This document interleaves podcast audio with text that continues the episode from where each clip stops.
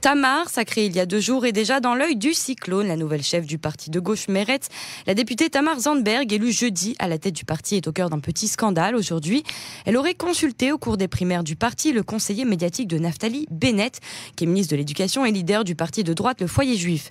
Le dit conseiller, Moshe Klugeft, l'aurait aidé lors de la campagne des primaires pour la direction du parti Meretz. Auprès de ses soutiens et des électeurs de Meretz, l'affaire fait parler d'elle. Zandberg a publié un message sur sa page Facebook aujourd'hui. Je présente mes excuses. Cela me fait mal de décevoir si vite nombre d'entre vous.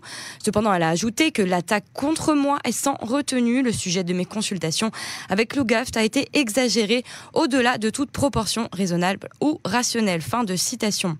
Un rival idéologique, donc, qui s'occupe d'une campagne de gauche. Je suis en contact avec lui depuis début mars, a-t-elle aussi écrit. La campagne qu'il a menée pour Naftali Bennett a été très réussie. Je l'ai rencontré quatre fois au cours des deux derniers mois. Fin de citation. Zandberg a clairement assumé sa responsabilité. Le contrôleur de l'État, cependant, Joseph Shapira, a déclaré qu'il allait inspecter sur une potentielle aide financière de Klugaft à la campagne de Zandberg. Et nous sommes en ligne avec Géant Berman, un militant du parti. Bonsoir Géant. Allô? Oui, bonsoir. Merci d'être avec nous ce soir. Avec plaisir. Donc pensez-vous que, l'affaire du conseiller de Naftali Bennett pourrait porter un coup à la carrière qui s'ouvre en tant que chef du parti Meretz pour Tamar Zandberg? Ou bien tout simplement saper les efforts du parti dans les mois à venir? Euh, ben, Ni l'un ni l'autre. Euh, je pense que premièrement cette affaire vraiment euh, est un peu exagérée. elle s'est entretenue, ils se sont vus quatre fois et elle s'est entretenue quelques fois au téléphone, par téléphone. Mais, euh, mais le dit euh, conseiller est un extrêmement, euh, extrêmement bon euh, campaigner. C'est quelqu'un qui mène des campagnes de façon exceptionnelle, même si c'est un rival. Hein, ça, faut bien le, faut être juste. Donc, il n'y avait aucune raison que Tamar ne le rencontre pas. que ça se soit fait de façon discrète, ça c'est peut-être dommage. C'est ça, à mon avis, le scandale et le, le, truc qui fait que chez nous, au sein du on se dit, bah, ok, euh, pas de problème, mais pourquoi de façon si discrète euh, C'est pour ça qu'elle s'est excusée. C'est pour ça que le scandale a éclaté aussi, en fait Comment est-ce que c'est sorti euh, Oui, oui. ce, qui est, ce, qui ce, qui ce qui est marrant, c'est que Meret remonte dans le parti, vous savez, remonte dans les, dans les sondages.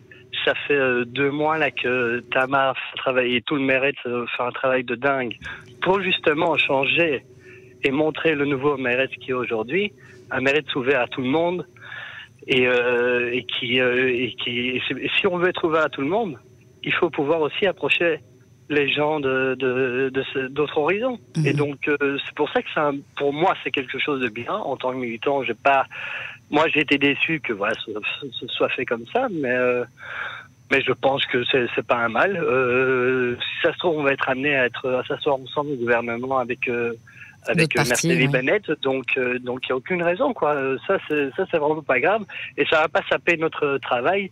Euh, je pense que justement il y a il y a il y a des intérêts là derrière qui fait qui, qui ont envie d'augmenter ce, ce, petit quelque chose dans dans les médias parce que justement le mérite est en train de monter. on est en train d'arriver dans dans les dans les villes et dans les villages qu'on avait perdu contact et, euh, et donc, euh, nous, on reprend contact le terrain. Euh, Meretz a toujours été là. Et, euh, et Meretz sera euh, plus que présent à partir de maintenant. Et je pense pas que ça va saper notre travail. Donc, une déception nuancée parmi les électeurs ben, oui, oui, oui, oui, c'est fort nuancé. Ben, déjà, on a à peine eu le temps pour. Il y, y, a eu les déçus de Abibouskila et tout ça, le, celui qui était en face de Tamar Zandberg lors des, des, des, primaire au Mérette. Donc, euh, on a à peine eu le temps de se mettre, euh, voilà, Tamar a gagné ou Avi a perdu, que hop, directement, il y a déjà quelque chose qui sort.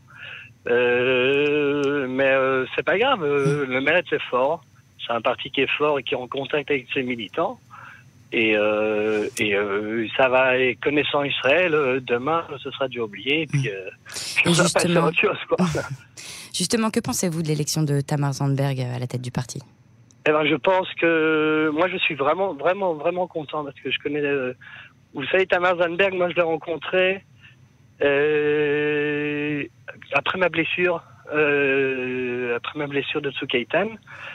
Euh, J'étais un blessé civil et euh, j'étais seul face à la Bitoire Lomi, à la, ici. Mmh. Et, et c'est la seule de tous les représentants à la Knesset qui m'a répondu et qui m'a aidé. Alors qu'elle ne savait même pas que j'étais du Meretz. Et à l'époque, j'étais pas du Meretz, quoi. Et proche des électeurs, pas proche du peuple. C'est la seule qui m'a répondu et qui a vraiment fait des démarches auprès de la, la pour m'aider à recevoir les premiers soins en tant que blessé. Mmh. J'étais un blessé grave. Et donc, euh, moi, ça m'a déjà, euh, moi, ça m'a déjà fort plu, bien sûr.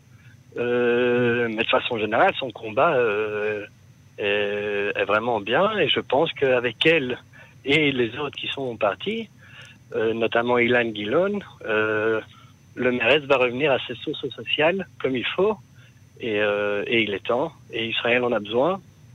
Et je pense que Tamar est vraiment la, la nouvelle génération qu'on avait besoin à Meretz. Donc, quels sont les objectifs du parti dans l'avenir très proche? Ben, Dans l'avenir très proche, euh, c'est de, bah, de continuer, premièrement, sur le, travail qu'on fait jusqu'à présent, et de, revenir euh, vers, euh, vers la périphérie et d'arrêter cette image que c'est un parti de, gauche ashkénaze de Tel Aviv. Euh, c'est pas du tout que ça. Il y a, a vraiment plein. C'est un parti de, avec des olim, c'est un parti euh, avec des mizrachim, avec des religieux, et oui, il y en a.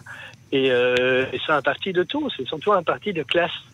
Et c'est un parti qui, euh, de, de, gauche qui veut un État-providence ici en Israël, euh, sur le modèle euh, sur le modèle scandinave, ce qui est tout à fait possible. Et, et, on le fait, on va continuer à nos combats sociaux et on va et on va tout faire pour avoir plus, plus d'impact dans, dans, dans, la classe suivante. Très bien.